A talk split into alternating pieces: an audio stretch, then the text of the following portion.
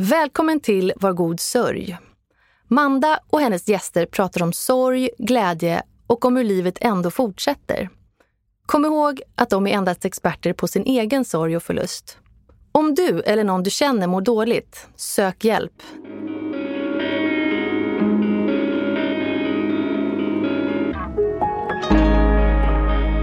Moni och Micke träffades på jobbet när de var i tidiga 20-årsåldern.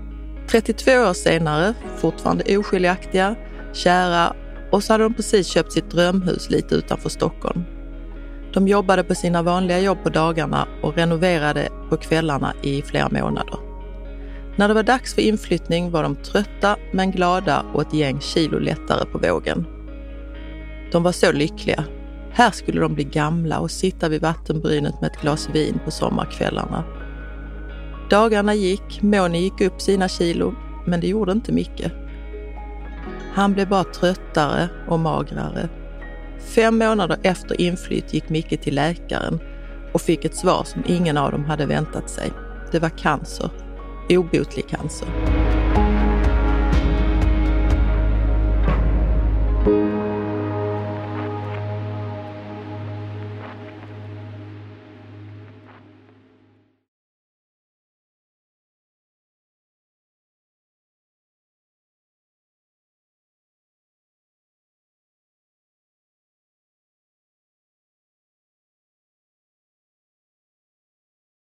Hej Moni. Hej. Välkommen. Tack.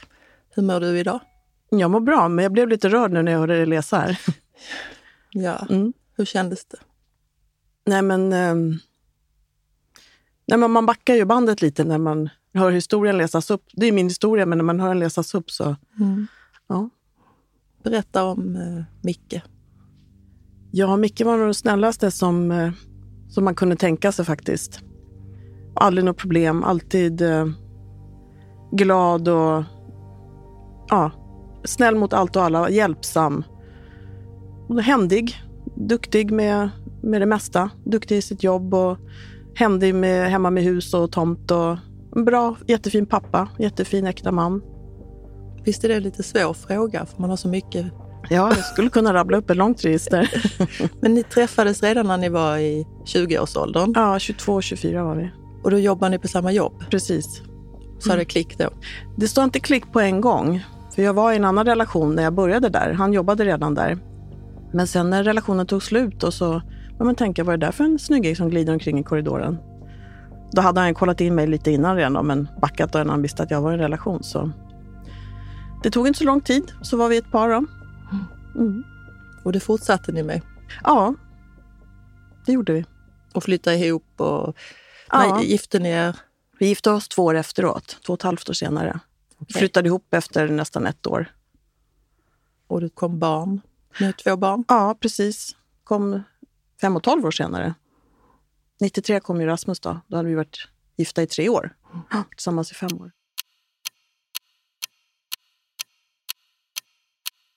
Som jag berättade inledningsvis så hade ni, ni bodde ju ihop då såklart eftersom ni var ett par. Hade ni hittat ert drömhus? Hur gick det till? Nej, men vi hade ju alltid drömt om att bo vid vattnet. Och, eh, så vi kollade i området där vi bor, Avidja, där vi köpte ett hus sen, bara ett år efter vi blev tillsammans. Men så var vi och kollade liksom på sjötomter och sjönära och sjöutsikter. Så varenda hus och tomt som har sålts i Vidja sen jag var vuxen så har jag sprungit och tittat på och alltid haft en dröm. Faktiskt ända sedan jag var liten egentligen, men det blev mer allvar när jag träffade Micke. Och så kom ju den där dagen då när det liksom allt stämde och det blev möjligt. Möjliggöra den här drömmen då. Så det var ju jätte, jättehärligt. Så det tog alltså väldigt många år innan? Ja, det gjorde det. Vi bodde i det andra huset i 30 år. Vilken Ja. lycka! Men jag tänker också att du letade redan när du var liten på Ja, samma precis. ställe. Ja. Okej.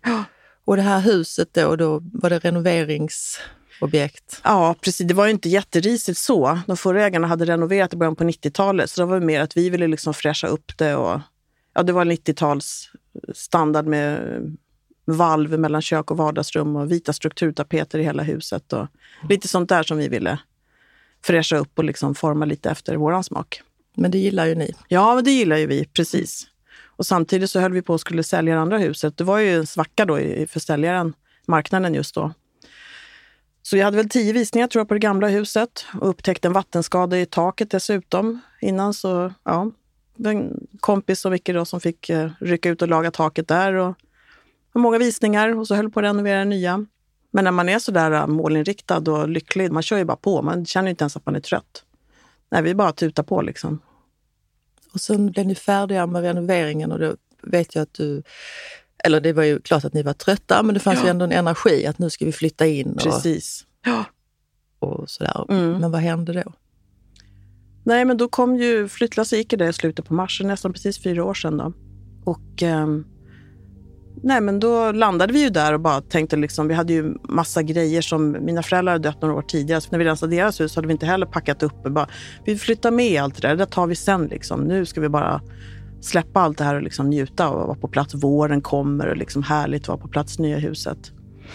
Nej, men, så vi hade ju gått ner i vikt och var ju lite trötta och slitna. Sådär. Men jag la ju på mig mina kilo igen. Men Micke gjorde inte det. Och när vi var ute och gick så han var liksom så trött. Han hängde inte med. Han var ju 1,94 lång. Han hade långa ben. Liksom. Det var inget problem att få upp tempo i hans promenader. Men, men han liksom hasade efter. Och jag såg när han var ute på tomten också. Jag sa, är du trött eller? Ja, nej, det är ingen fara. Sådär. Han klagade aldrig. Han kunde åka till jobbet med 38,5 i feber. Det var ingen fara. Men, ehm, men sen till slut i alla fall så då började han gå upp och kissa på nätterna också. Så då tänkte man det är något som inte stämmer. Så då gick han ju till doktorn i alla fall. Då, då kom sommaren och vår dotter tog studenten där och det var liksom massa med det också. Men eh, han sa, ja, men efter semestern då ska jag boka läkartid och det gjorde han också. Och då drog karusellen igång då. Gick han själv till läkaren? Ja, först? precis. Ja, gjorde han då bara vanligt till vårdcentralen och då kände de att han var hård på magen. Då misstänkte de väl antagligen det sa de inte då, men att de skickade honom på röntgen. Fick han komma på röntgen samma dag. Allt gick väldigt fort. Och då upptäckte de ju att det var en tumör i tarmen och att den redan var spridd till lungor och lever också. Fick ni komma tillbaks tillsammans på det här samtalet? Nej, det fick han, beskedet fick han på telefon samma eftermiddag han har varit där och röntgat sig. Wow. Så eh, snabbt? Verkligen, det gick jättefort. Och sen så två dagar senare fick han komma på sån här endoskopiröntgen, tror jag, går in med kamera i tarmen. Och då måste man ha några dagar innan, för man ska ju tömma tarmen då. Så då tog det några dagar. Sen efter det var jag med på alla, alla läkarbesök och så med honom. Så att, men får jag bara fråga, fick han det där svar? Alltså han fick svar att han hade cancer per telefon? Nej, de såg att de hade hittat något, sa de, i tarmen och även i lungor och lever. Nej, de sa ju inte att det är cancer. Det var väl det man liksom kollade sen på den andra röntgen då, endoskopiröntgen.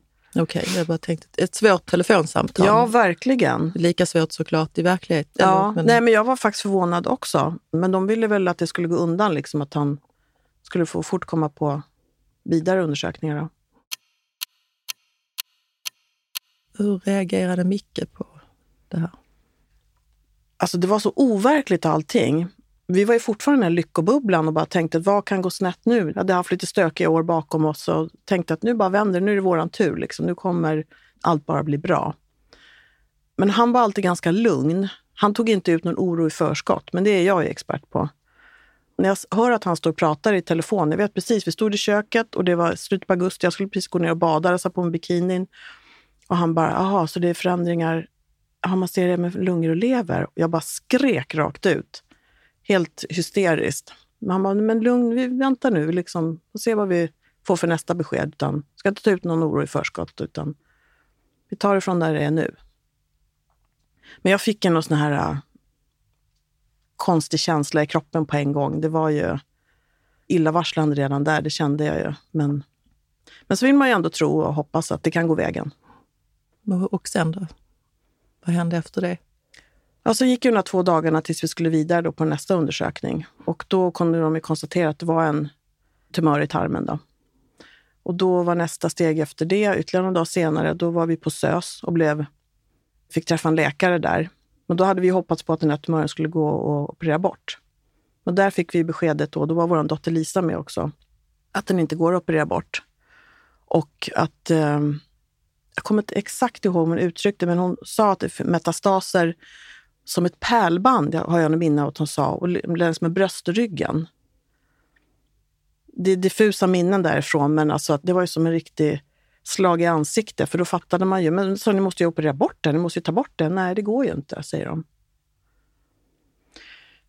Och eh, ja, Då fick vi i alla fall prata med kurator efter det. Men, eh, men det var väl jag som var mest hysterisk i vanlig ordning då. Micke sa ja men nu får vi... Han var ju tagen och paff förstås. Och Lisa också, men jag var väl den som var mest chockad och liksom uppriven av det här. Panik hade jag. Då fick ni det här beskedet och så går ni ut från mm. rummet. Vad mm. händer? Då får vi träffa kuratorn. Då får vi gå in i ett annat rum och träffa kuratorn. Då. Ja, just det. Men jag tänkte efter, vad händer när ni går därifrån? När vi åker från sjukhuset? Ja, när ni åker från sjukhuset. Då åker vi ju hem. Och eh, jag kommer inte ihåg och hur vi ringde. Rasmus bodde ju inte hemma. Lisa bodde ju hemma fortfarande. Men han måste ju ha kommit till oss. För jag vet att vi sitter ute på verandan i alla fall och pratar om det här. Och berättar liksom. Men vi ville ju inte svartmåla det Micke och jag heller för barnen så heller. Och vi ville ju tro också att det har ju skett mirakel förut. Det är ju andra som har fått dödsdomar och, och tänka att ja, men de kan ju leva vidare ändå. Så att vi ville ändå försöka liksom tänka att ja, men, ja, de kan vara negativa, men vi tänker vara positiva. Så vi berättade väl liksom inte. Lisa hade ju hört också vad läkaren sa i och för sig, men jag vet inte riktigt hur mycket hon uppfattade av det så. Men, eller jo, det är klart hon uppfattade det, men om hon... De sa ju inte direkt du kommer dö av det här, utan men att det var obotligt. Det är ju samma sak egentligen. då. Fast man vet ju inte hur mycket tid. Och det ville vi inte veta heller. Nej, för ni tog inte reda på... Nej, Nej, det bestämde vi ganska tidigt. Att vi ville inte veta så mycket mer än det som var absolut viktigt för oss att veta. Utan vi ville försöka leva i det här hoppet. Att det liksom ändå skulle ordna sig. Att han skulle bli frisk. Eller i alla fall få många år till. Men om man får en dödsdom på sjukhuset och ändå ska leva i hoppet. Mm. Hur går det till? Ja, man bestämmer sig väl på något vis kanske. Och eh, sen är det så overkligt. Alltså vi var ju fullt levande liksom. Han var 50, 55 hade han fyllt, ja. 55 år, jag var 53. Man tänker att det är inte lika med döden liksom. Så att, och han var ju jättebra själv på att inte oja sig eller beklaga sig. Eller liksom. Han mådde ju ganska bra också. Han hade ju inte ont eller så. Han var ju trött liksom. Han, hade ju inte så, han var ju ganska, jobbade ju liksom fram tills han blev sjukskriven då när han fick diagnosen. Så, ja. Och er dotter hon bodde hemma vid mm, den här mm, tidpunkten. Mm. Pratade ni mycket tillsammans, ni tre? Mm, det gjorde vi ju. Och hon var ju dessutom, hon hade tagit studenten då i juni, så hon hade ju inget jobb. Vi hade bestämt oss för att hon skulle liksom ta en liten time-out också. Liksom enda tiden i livet som man typ kan vara hemma och ha det lite skönt utan att behöva att måste att man skulle ha en inkomst och sådär. Så det var, hade vi bestämt innan och det var ju ganska bra egentligen. För att hon var ju jättemycket med Micke också. Och eh, jag jobbade ju. Men jag kunde ju fantastisk arbetsgivare som till och med kunde jobba hemifrån. Och när vi var inne på behandlingar på sjukhuset, då satt jag och jobbade på sjukhuset. Liksom. Jag var ändå med honom hela tiden. De dagar jag åkte in till jobbet, det var ju också jätteskönt att få liksom lite annat perspektiv till allt bli lite påfylld och glömma det här eländet ett tag. Och då var ju Lisa med Micke hemma. Så det var ju också skönt. Han behövde ju aldrig vara ensam. Nu sa du att han var väldigt positiv och sådär, ni var hoppfulla, men han måste ju ändå haft tankar, ja. mörka tankar. Ja. Delar han dem med er? Nej, det skulle jag inte säga att han gjorde. Han var nog den som var mest positiv. Och du har aldrig funderat på vad gick han och tänkte på? Jo då. och det är klart att vi pratade om det så jag blev ju så orolig också. men, alltså, bli lämnad ensam. Och, och, med allt vad det innebär med ett hus och massa skulder och, och en ekonomi. Och, nej, men det är massa saker som... Och vi hade precis flyttat till det här och tagit lån. Liksom. Vi hade inte haft någon lån på det tidigare huset. Så det var också så här, ska vi fixa det här? Och då var vi ändå två. Då skulle jag bli själv med allt det här. Men vi var ju lite lösningsorienterade hur vi skulle lösa det och pratade ju sånt. Tråkigt nog, men det var ändå nödvändigt förstås och vara lite liksom förberedd på det. Jättetråkigt att ja, prata verkligen. om, men det låter ju ändå bra att kunna ha... Det är ju många fall där inte de här sakerna lös, det är inte löst innan. Nej, men precis. När ni fick beskedet och sen så det gick ju ganska snabbt mm. tills han blev inlagd. Nej då, vi fick ju besked i slutet på augusti och han var hemma till slutet på januari. Vi var ju bara inne på cellgiftsbehandlingar och röntgen och liksom sådana där läkarbesök. Men i slutet på januari så blev han ju riktigt dålig. Och då var han på SÖS först några dagar och sen så vart han flyttad till eh, palliativa efter det. Men han var på palliativa bara två och en halv vecka. Så han var ju hemma större delen av sin sjukdomstid ändå.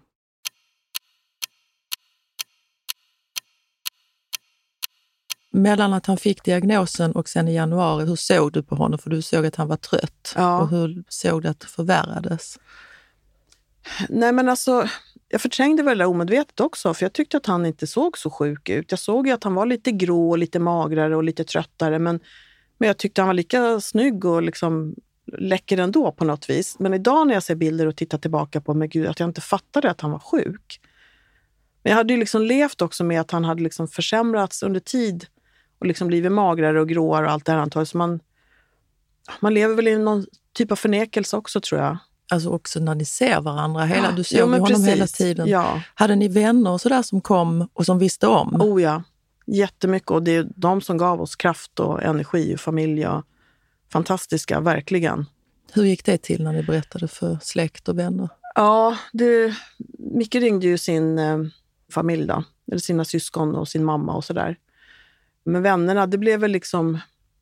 Det löste sig väl lite eftersom när man pratade med dem så berättade man väl pö om pö. Men de, ja, det är ett fantastiskt stöd, verkligen. kommer mat till oss och massa olika idéer, lägga om kosten och det här ska vara bra. Och det liksom, ja, motverka cancer, det här, käka mer av det här. Och, det blir väl lite kortslutning i skallen också av alla goda råd såklart. Men man försöker ju liksom anamma det och man vill ju verkligen ge det en chans också. Hur tog han emot? För det kan ju bli så här, vänner vill ju verkligen Ja. hjälpa till. Men just det här med cancer, att vi vill hjälpa till och nästan bota. Ja. Hur tog han det? Jo, men han ville ju det, men han var ju nästan för trött att ta till sig all information och det. Så det var jag som fick liksom ta emot den informationen och kanske styra upp lite delarna liksom i det här. Då. Ja, Sen hade vi en vänner som lagade mat och kom till oss också. Och hade liksom gjort efter... Han försökte ju lägga om till vegetarisk kost och inte socker och ingen alkohol. Och, nej men alla de här bitarna också. men kom det människor hela tiden eller hade ni lite chans att vara lite ensamma också? Nej men vi var ju ensamma en del också såklart. Men det kom nog... Ja, det kom nog någon varje dag. Det skulle jag nog säga att det gjorde faktiskt. Och det var skönt. Jag kan tänka i början då innan man hade liksom landat i det här också. Speciellt en väninna till mig, hon var så jätteglad och hurtig. Så här, Hoho, nu kommer jag liksom. Man bara, nej nu kommer hon igen. Man bara, åh. Men det var så himla skönt. Hon hade varit en stund och liksom, då kunde vi prata om lite annat. Och man, det kom in någon annan energi i huset också, så det var ju fantastiskt. Det var ju jätte, jättehärligt. För hade hon ringt innan och sagt kan jag komma så hade du sagt nej. Antagligen. Ja. Ja, nej, men det var det jag sa också till folk. Utan jag känner spontant att jag inte vill ha någon här. Men när ni kommer så tycker jag att det är underbart. Och en del backade ju då och blev ju rädda för att tränga sig på förstås. Men de som känner oss väl, de bara liksom kom ju. Och det var ju jättehärligt. Och sen visste de ju vad vi befann oss i. Så jag menar, man kunde ju gråta och liksom vara förbannad och allting också. De visste ju. Det låter som att ni har varit väldigt öppna när ni berättade om sjukdomen. Ja. Sen var vi väl inte lika öppna med att berätta det dystra, hur dystert det verkligen var. Nej, det sa ni inte riktigt. Nej, och det var väl också man ville skona barnen. Man liksom ville att de också ska leva och Mickes syskon och mamma och här. Att man, man ville liksom ge hopp ändå i det här och, och är de hoppfulla då blir ju vi hoppfulla. Ja, men det liksom blir ringa på vattnet att man får positiv energi tillsammans. Hur var det med barnen under den här tiden? Men de var ändå positiva och starka måste jag säga. De var ju med hela tiden. Lisa som sagt var ju med mycket med att hon liksom var hemma också. Men Rasmus han bodde ju inte hemma och jobbade ju på dagarna men väldigt tät kontakt, telefon och hälsade på. Och, och han kom också, han gillade att laga mat också. Han kollade också bra recept och lagade mat liksom på det sätt som jag rekommenderade och kom hem och gjorde middagar till oss.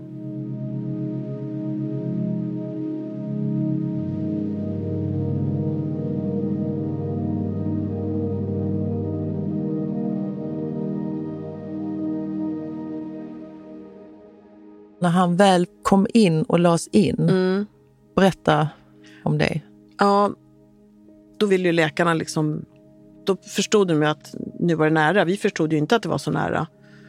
Jag vet så väl, vi var på SÖS, både jag, Rasmus och Lisa där och, och Micke förstås. Och då var det en läkare som ville ta in oss i ett rum och då hade hon någon läkarelev med sig. Och jag fick för mig att hon på något vis ville liksom typ berätta när man, eller visa henne hur ett sånt här samtal går till. Så hon var jättetänd på liksom att, jag tror Rasmus kom senare dit, vi skulle vänta in honom. Och jag sa att vi vill hålla barnen utanför så mycket som möjligt. Berätta bara det nödvändigaste. Hon var så himla sugen att ha det här samtalet med oss. Sen var vi extra skör också förstås. Men då kom vi in i det här rummet i alla fall och sitter alla fyra där. Och då börjar hon ändå liksom dra upp att, ja nu Micke, du börjar ju tala om nu vad du vill ha sagt nu. För att nu är det ju nära liksom. Och, och ni börjar tala om för Micke det ni vill ha sagt. Men jag bara, men stopp. Det var ju det här vi inte ville. Vi ville ju inte ha liksom någon tid eller att du skulle liksom fronta det så här tydligt.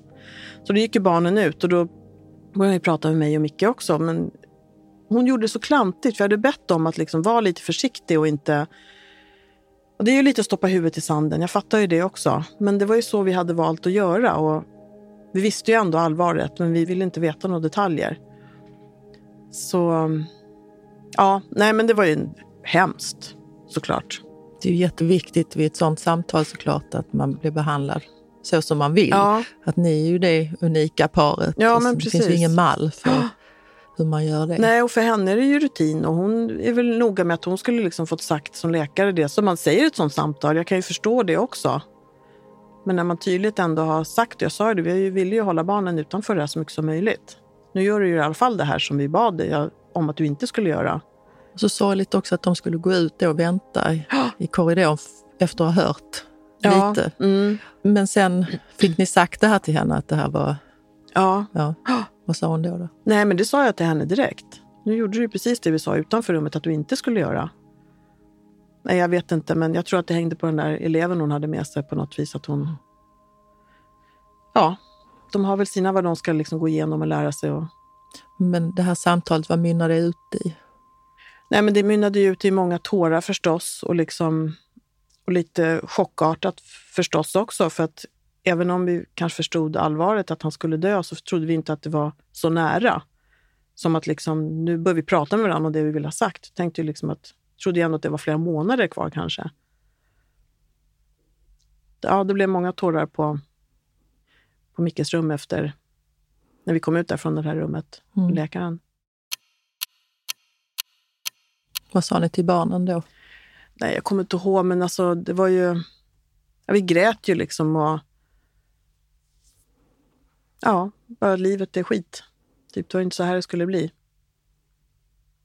Vad hände sen? Nej, men då, då låg han uppe på någon avdelning på SÖS där. Och sen vet jag inte om det var dagen efter eller om det var ett par dagar efter. Vi åker ju hem, jag och barnen, och han är ju kvar där. Vi tror ju att han ska komma hem också då. Men då ringer han och säger att de vill flytta honom till palliativa. Men han säger också att det behöver inte vara liksom att det är sista tiden så, utan det kan vara, man kan komma hem från palliativa också. Utan jag kan ju pigga på mig att jag kan komma hem igen. Så det var ju inte att han skulle åka dit för att dö. Vilket det blev, men de la inte upp det så. Liksom. Och även när han kom till palliativa där så var ju de... Han sa jag ska hem liksom.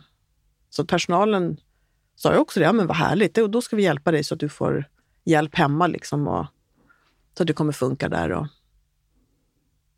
Jag måste fråga, sa de det för att han skulle bli glad? ja, det tror jag. Och vi.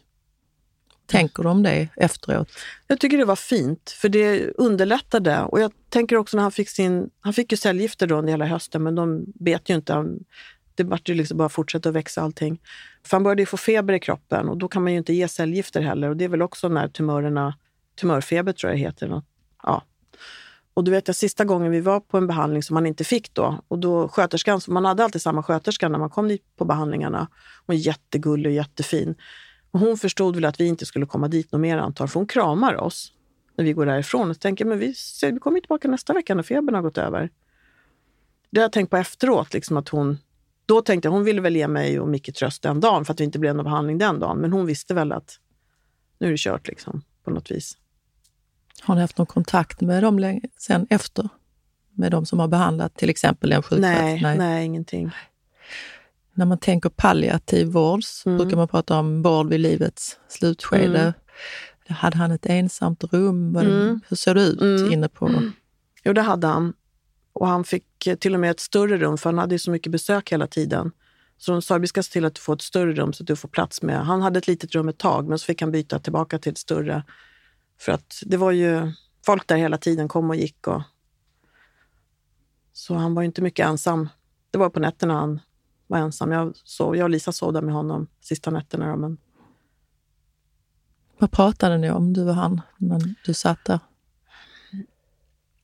Ja, vi pratade väl liksom om, om hur vi haft och hur det ska bli. Och vi hann ju prata om, om hans begravning och vi hade ju sålt två hus också som vi höll på mycket praktiskt. Satt och betalade vinstskatter till Skattemyndigheten och satt och räknade kvitton. Och det är ju sjukt egentligen, men ställa om abonnemang, elabonnemanget, föra på mig, förhandla liksom eltaxor och allt. Vi gjorde mycket praktiskt, ringde till banken och styrde upp mycket praktiskt. Men det var ganska skönt att ha lite att pyssla med också. Men vi kramades mycket, låg och kramades i sängen och pratade liksom om framtiden. Och, och han var själv så lugn. Han var liksom inte själv rädd för att dö.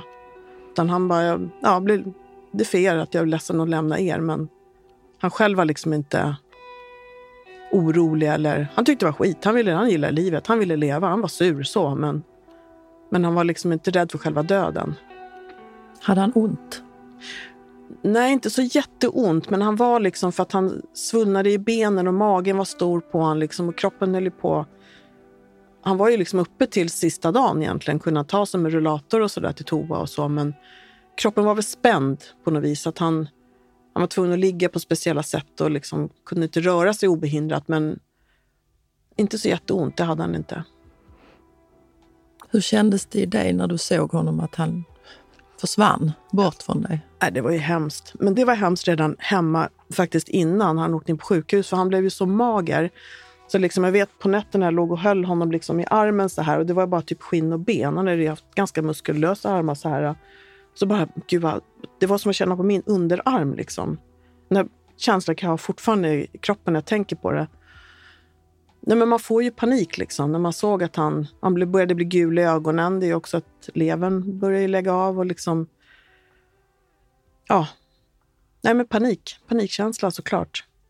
Personalen där, kunde du prata med dem om du gick ut ur rummet? Fanns de där ja, för dig? Oh ja, oh ja. Jättefina. Ja, de höll i handen och kramades. Och... Det var jättebra, verkligen. Och sen var det sista var det en morgon? Mm, mm. Var du där då? Ja. För Lisa hade sovit med, för då sa han, kände nog själv att nu börjar det närma sig. För då sa han också, kan du inte sova här med mig? sa han.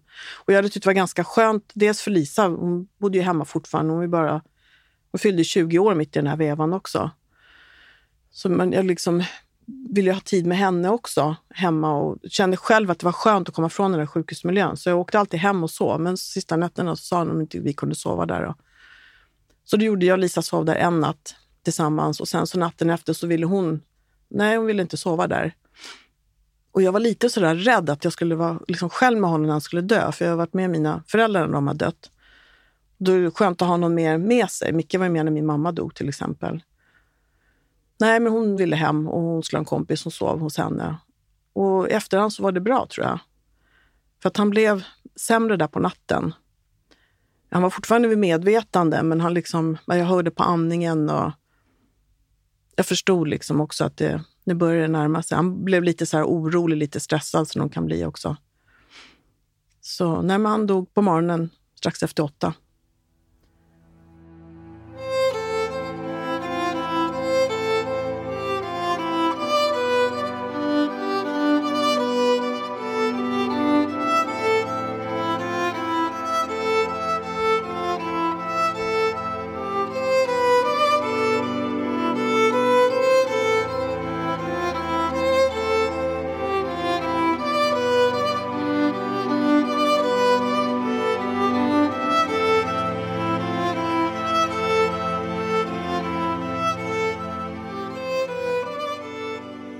Sa han någonting precis innan eller som när han in? Nej, vi hade väl pratat lite på natten liksom och, och sådär, men Nej, jag sa ingenting precis innan han dog. Men vi hade ju pratat liksom så mycket ändå, så det var väl ingenting som var osagt egentligen. Men jag höll honom i famnen så här. och sa att jag älskar dig, jag kommer aldrig glömma dig. Och Mm. Jag ville inte att han skulle vara rädd. Jag ville att han skulle vara trygg. Men när du berättar om, om honom och om den här tiden så känns det som han var väldigt trygg. Men det var han, definitivt. Och du var där hos honom hela tiden. Och han försökte hålla uppe... Ja, försökte, verkligen. det verkar nästan som, Han var väl en sån person som, som var glad och Ja, men absolut. Positiv. Ja, ja, ja. Verkligen. Nej, så det blev fint ändå. Och hans bror och fru kom från Värmland också, så de var hos honom sista kvällen där. Men de bodde på hotell bredvid. Så de var ju inte där när han dog precis, men de kom ju upp sen till sjukhuset på, på förmiddagen där efter han hade dött. Då. Och Lisa kom. Och Rasmus ville inte... Han tyckte han hade så fin bild av pappa dagen innan så att han ville inte se honom död. Men Lisa ville se honom så att Rasmus hämtade henne och körde upp henne då, till sjukhuset. så viktigt att var och en får göra som Mm, den verkligen. vill. Jag ringde dem även på natten där när jag förstod att det var nära också. Om, om det var något mer som de ville ha sagt eller, eller om de ville komma upp också och vara med. Tänkte om de ångrade sig eller sådär, att de ja, hade en chans i alla fall.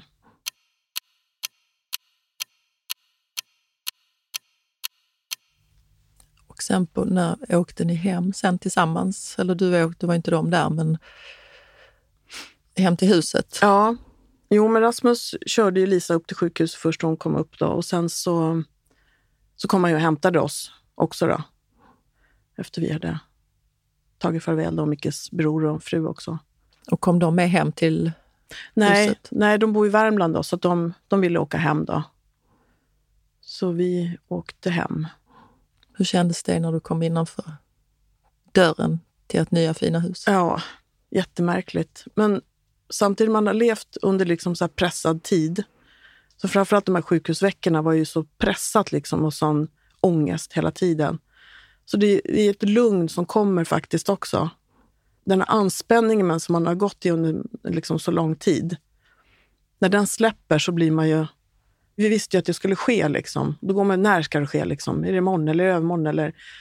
Så då, ja, nej, det var skönt att komma hem och vara hemma med barnen. Och, och Rasmus flickvän var med också. Och de har ju två hundar. Så det, ja. Det var fint. Det är svårt. Ja. Ja, det är ju det. När ni minns Micke Mm. tillsammans, du och barnen, eller du själv. Mm. Vi kan ju prata om dig då, för Mm. du vet ju inte riktigt hur de... Men eh, hur gör du då? Har du någon ritual? Eller, människor är så olika. Ja, men jag har ju ett, eh, ett fotografi på honom i köket. Så jag pratar ju med honom varje dag, tänder ljus för honom varje dag. Brukar ha en liten blomma där också. Nej, men jag kommer hem och säger hej Micke, hur har det varit idag? Eller på morgonen säger jag god morgon. Eller... Så jag pratar med honom varje dag. Och, ehm, och det är ju våra vänner också när de kommer hem. Och klappar honom lite på kinden på kortet så här. Och, Tjena Micke, hur är det liksom? Och det är en jättehärlig bild på honom också. Han ser så här, han sitter i båten utanför sommarstugan där och har så här härligt eh, leende. Man ser att han, ja, det var hans bästa plats på jorden också.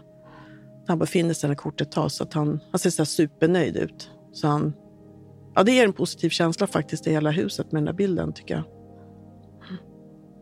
Det har jag också, en Mm. bild som jag också klappar på ibland. Ja, men precis. Det är viktigt. Hur tycker du att det var efteråt när han hade gått bort? För ni hade ju så himla mycket vänner hemma.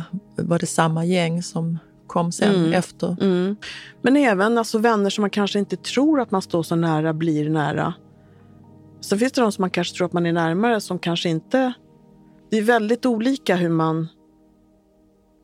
Man vet inte vad man har förväntat sig för sig, men det blir inte kanske som jag i efterhand ska tänka liksom, ja den där backade lite, vad konstigt, eller och den där, tänk att hon eller han kom liksom, eller... Så det var ju ett enormt stöd och maten fortsatte att komma för jag är ju värdelös på att laga mat och hade varit intresserad heller. Så att, utan dem så hade jag nog haft skörbjugg eller någonting tror jag. Men det, tycker du att längs vägen har det varit något bemötande som du har känt, det där var jättekonstigt, eller har det varit fint? Det var ju några på jobbet som var konstigt när jag faktiskt när jag berättade då, för att första veckan efter vi fick veta så var jag ju hemma. Jag har alltid kunnat jobba hemifrån egentligen så att det var ganska skönt att få smälta det där hemma. Men sen när jag kände att jag skulle tillbaka till jobbet så skickade jag ut ett mejl till nästan, ja, jag jobbar på en ganska stor arbetsplats, stort sett allihopa. Jag är så social och babblar med de flesta också. Så skrev jag liksom att um, så här ligger det till. Och när jag kommer till jobbet vill jag jobba och träffa er och liksom prata väder och vind. Jag vill inte prata om, om Micke och sjukdomen. Liksom. Så att, prata inte med mig. Men om du har några frågor kan du mejla mig så kan jag svara på mejl. Det är lättare än att möta någon i korridoren och, och prata om det här. Men det var två stycken som direkt, i stort sett, första dagen jag kommer dit, bara, ja, men hur lång tid är han kvar då? Va? Det var nog det klantigaste som jag kan komma ihåg. Klumpigaste liksom, bemötandet. Men... Vad svarade du på det? Nej, jag svarade att det vet vi inte riktigt utan vi lever i, i nuet och, och hoppet. Det är ingen som vet. Men jag vart ju paff. Jag skulle ju liksom... Ja, jag skulle kanske ha hanterat det på annat sätt. Men man blev så ställd också. När jag har liksom skrivit tydligt i mejlet att prata inte med mig öga till öga utan mejla mig om du undrar något. Det är väldigt öppet av dig också att berätta. Så här skulle ja. jag, nu när ni vet att det här är en fruktansvärd situation ja. i familjen.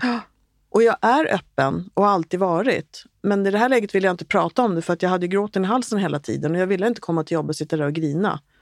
Utan jag ville komma till jobbet och jobba och liksom få bli påfylld med energi av härliga kollegor och liksom jobb som skingrar tankarna lite och så. Så ja. Jag är så nyfiken på vad som hände sen för att sjukhuspersonalen då som ni hade på, var det Ersta? Nej, på SÖS Det var, var SÖS fortfarande? Ja, men sen var vi på Nacka sjukhus, Nacka på palliativa. Ja, mm. Okej, okay, de har det också där. Mm. Pratar ni med dem någonting efter? Fick du stöd? Barnen, fick de stöd? Lisa gick där hos någon kurator. Hon vet jag åkte dit några gånger. Men jag hade redan en psykolog på vårdcentralen som jag fortsatte, som jag hade gått under hans sjukdomstid också. Som jag fortsatte gå till sen. Ett tag till efter han hade dött. Men det gör du inte nu längre? Nej, Sen gick jag hos Annan också och fick eh, kris och traumacenter. Fick vi genom hemförsäkringen faktiskt. Så det gick både Lisa och jag. Sen har vi gått i sorggrupp med kyrkan också. Mm. Är det bra tycker du? Jättebra. För då, då möter man ju liksom andra som också har mist sin... För Lisa satte de ihop grupper också så att det ska liksom passa. Så jag var i grupper som har mist sin livspartner då. Och det hade väl hon också, men det var väl också någon som hade mist sin förälder eller försöker väl liksom få ihop det så man ska kunna dela erfarenheter på ett annat sätt. Och är det stora grupper? Eller är man är... Nej, men jag tror man var typ fem, sex stycken. Jaha, okej. Okay. Vad intressant. Mm. Ja, det är det som jag tycker har gett mig mest faktiskt. Och prata med andra ja. i likasinnade, ja. eller mm. likasinnade, ja men i samma... Precis. Ja, men det är ju intressant med de här kyrkogrupperna. För jag tror när min, när Jock gick bort, mm. då två dagar efter ringde jag till en kyrka för då hade jag hört ja, om ja. det också. Ja. Och sen ringde de flera månader efter för att det var till barnen. Mm. Och då hade jag glömt bort att jag hade ringt. Ja, jag gjorde så mycket konstigt. Precis. Förstår konstigt. det. Ja. ja, men det var ju roligt att höra att det är bra. Och de kontaktade oss. Jag fick ett brev vet jag. Att vi vet att din man har dött och sa att vi finns här som stöd och, och berättade om lite olika sätt de hade. Liksom man kunde få enskilda samtal också tror jag. Mm. För då vet jag att jag ringde upp dit och då sa att vi har ju även barn. Liksom, men Rasmus var inte intresserad, men Lisa var ju intresserad också. Så att... Alltså när det är cancer, att de har något... Nej, jag vet inte. Nej, jag vet inte heller. Men de hade ju koll på att han i alla fall hade dött och kontaktade mig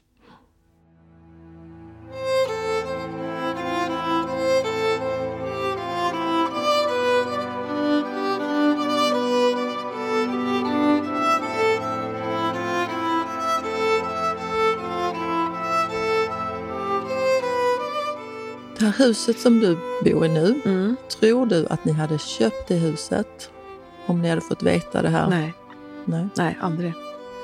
Och jag vet ju att det här huset har medfört så mycket mm. annat mm. som jag är jättenyfiken på, mm. som jag vet lite om. Ja. Och jag tänker du har också en eh, andlig sida. Mm, mm. Och du berättar för mig när vi pratar inför den här intervjun om det skulle vara roligt om du ville berätta det igen, om när ni satt i bilen och lyssna på... När vi åkte hem från sjukhuset? Eh, så här, jag tycker ju det är intressant med tecken som man ja, ser. Ja. Och nu när vi pratade Mm. så är ju du likadan. Ja, Du hittar ju tecken här idag när du kommer in precis. i- till studion med små ljusstakar. Och, så det ger ju också en viss trygghet. ja. Jo, hitta- men absolut. Och jag känner ju att Micke är med hela tiden också. Nej, men vi hade aldrig köpt det här huset för att det var alldeles... Eh, från att inte haft några skulder till att ta lån på flera miljoner. Att jag skulle göra det här själv? Nej, aldrig. Och jag hade inte bott kvar i gamla huset heller, för det var för mycket att pyssla och sköta om och ett annat planerat hus. Så att jag kan förstå nu varför vi flyttade hit. För att, ja, dels att det var drömhuset förstås, men att ehm, det andra huset var för mycket minnen. Där hade vi bott i 30 år. Micke hade vänt på varenda sten där, dragit in varenda spik hade han gjort. Det hade varit för mycket minnen som hade liksom blivit för jobbiga. Men det här, han fick uppfylla drömmen med mig. Vi gjorde det tillsammans. Men han har inte liksom satt sina spår i huset på det sättet. Utan det här är mitt hus. Så på så vis känns det väldigt tryggt och bra. Han gjorde det möjligt. Ja, precis. Och sen med sitt lugn så var han nog det här med ekonomi som jag var jättestressad över. Också han bara, det kommer att ordna sig. Det löser sig. Och det har det ju gjort. Jag var livrädd första året ska jag säga. Vände på varenda krona och visste inte hur jag skulle göra med allting. Men ja, nej men det har löst sig och det kommer att lösa sig. Apropå tecken och när vi åkte från sjukhuset, för att i och med att vi visste att han skulle dö så kunde vi ju det började med min mamma, för hon trodde också på andevärlden. Och då sa jag, mamma, nu har vi ju värsta chansen här att visa liksom. Att du måste ju visa oss. Och det gjorde hon ju direkt. Så det sa jag med Micke också, du måste ju visa att du är med oss. Vi kommer ju längta ihjäl oss efter dig. Du måste liksom vara tydlig med att följa oss och visa. Och eh, ja, när vi satte oss i bilen och skulle åka hem när Rasmus kom och hämta oss, då spelade de ju Journey på radion. Det var ju Mickes och mitt favoritband. Och det var någon mer låt också tror jag på hemvägen där. Och sen när vi kom hem så slog vi på tvn, bara som sällskap egentligen. Och då kom det upp någon buss, det var någon svensk film och då var det någon buss och på bussen så är det en logga. Han kommer från Nyköping, var det Nyköpings eh, riktnummer 0155. Jag kommer inte ihåg, det var väl något bussföretag och så var det telefonnumret dit. Och sen så sitter det, jag kommer inte ihåg handlingen i filmen för jag tror inte jag såg filmen, men då sitter det liksom några stycken och fikar och den ena håller i en kaffemugg och då står det Leksand på den.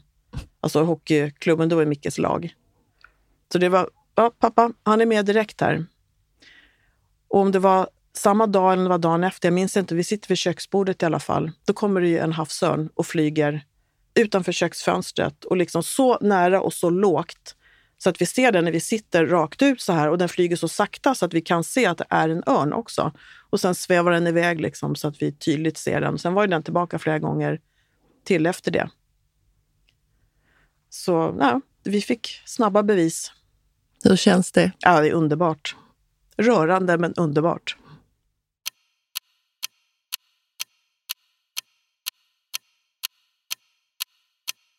Nej, men du bor nu i det här huset Mm. och eh, saknar ju mycket såklart Mm. varje dag. Mm. Men så händer det någonting som inte du riktigt hade väntat dig. Nej, dels så flyttade Lisa hemifrån då också ett år efter Micke hade dött. Så att det är ju första gången jag bott själv nu i mitt liv också. Jag har liksom aldrig bott ensam och det har varit en viktig tid också. Nej, men sen har ju kompisar har varit på mig, men ska du inte ta av dig ringarna och ska du inte gå på Soultrain eller skaffa ett Tinderkonto? Jag bara nej, men alltså jag har hela tiden sett att jag ska ha en relation i framtiden för att jag gillar tvåsamheten, jag gillar inte att bo själv. Och säga att man vänjer sig, det kanske man gör, men jag har inte hunnit dit i alla fall. Nej, men jag har aktivt inte letat utan varit trygg med att det kommer att hända. Någon dag så kommer jag stöta på kärleken igen. Och då beställde jag ju solceller här i, i somras. Och eh, med det så fick jag ju en kärlek på köpet. De säger att den- kärleken kommer inte hem och knackar på dörren, men det var faktiskt så det blev. Och det var som ett blixtnedslag. Och ehm, jag är säker på att Micke har ett finger med i spelet där också. För han förstod att jag inte skulle ut och leta. Så han tänkte, jag får väl skicka hem den där kärleken till henne då, för annars blir det inget. Hur länge sedan var det här nu då? I sommar? Nej, vad sa du nu? Jag Det vågar var- inte säga fler Nej. år för att jag är ju helt det var i lost. november, så det, Titta, är tre, tre ja. månader sedan. Då. Jag tänkte att solcellerna kom när det var sol, men november då? Okej. Precis. Har han träffat familjen? Och... Nej, jag har träffat Lisa som hastigast och träffat min bror och hans sambo. Vi tar det lite sakta fram Ja. sådär, men eh, det är väldigt stark kärlek och det är fantastiskt att få känna så här. Jag trodde liksom... bästa tänkbara tänkte jag träffa någon som man liksom kan eh, resa med och käka lite middagar med och liksom ha en, en tillhörighet till och liksom känna kärlek. Absolut, men, men jag är helt knockad. Jag är superkär. Ja, du ser verkligen kär ut. Jag är glad för din skull. ja. Har du haft något dåligt samvete? Inte det minsta. Och det vet jag. Hade jag träffat den här mannen i hissen på väg från sjukhuset den dagen Micke hade dött så hade Micke sagt grattis. Kör på det här. Nej, han hade aldrig missunnat mig det här. Det här var vad han ville. Det är jag helt säker på. Såklart. Mm. Det är klart du inte ska ha det. Mm. Men ibland kan man ju ha konstiga skuldkänslor för konstiga saker. Ja, men absolut. Jag kan förstå det också. Men eh, nej. Det enda som känns lite jobbigt är ju det här för barnen, liksom, att de ser mig nu med en ny man och att jag är kär. Och jag vet ju att de vill att jag ska vara lycklig, absolut. Men att det blir en omställning för dem att liksom se mamma med någon ny, förstås. Det är därför vi tar lite sakta framåt också. De får känna in när det är dags. Börja lära känna lite mer.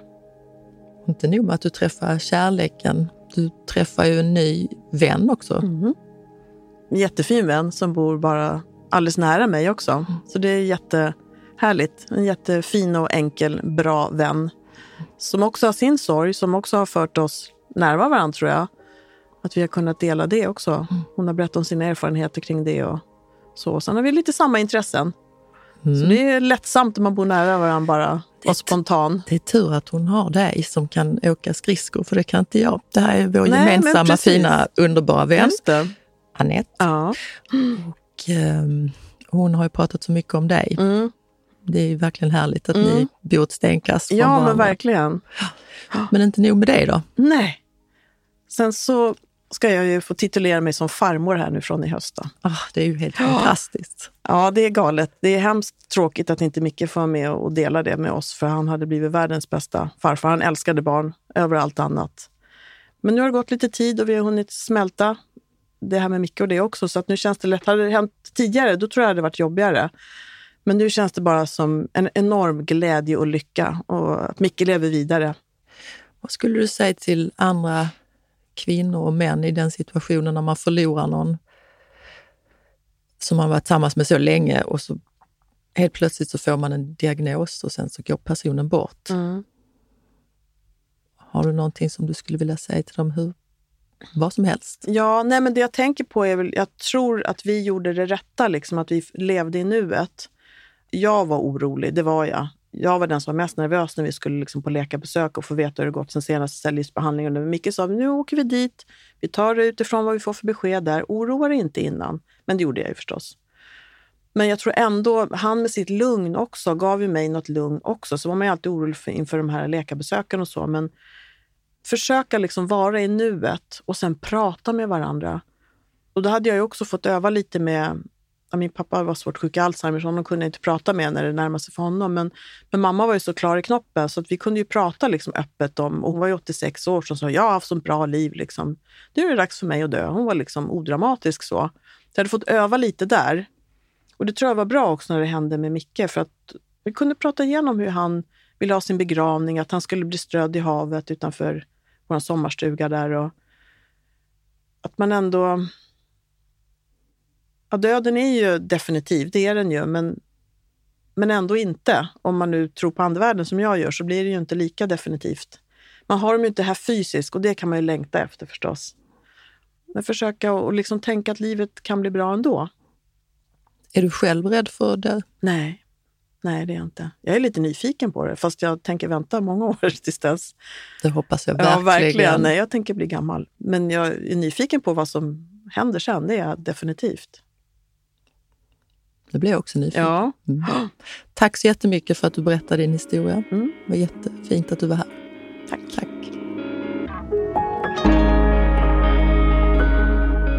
Var god sörj görs av Manda Ersgård och Stray Dog Studios.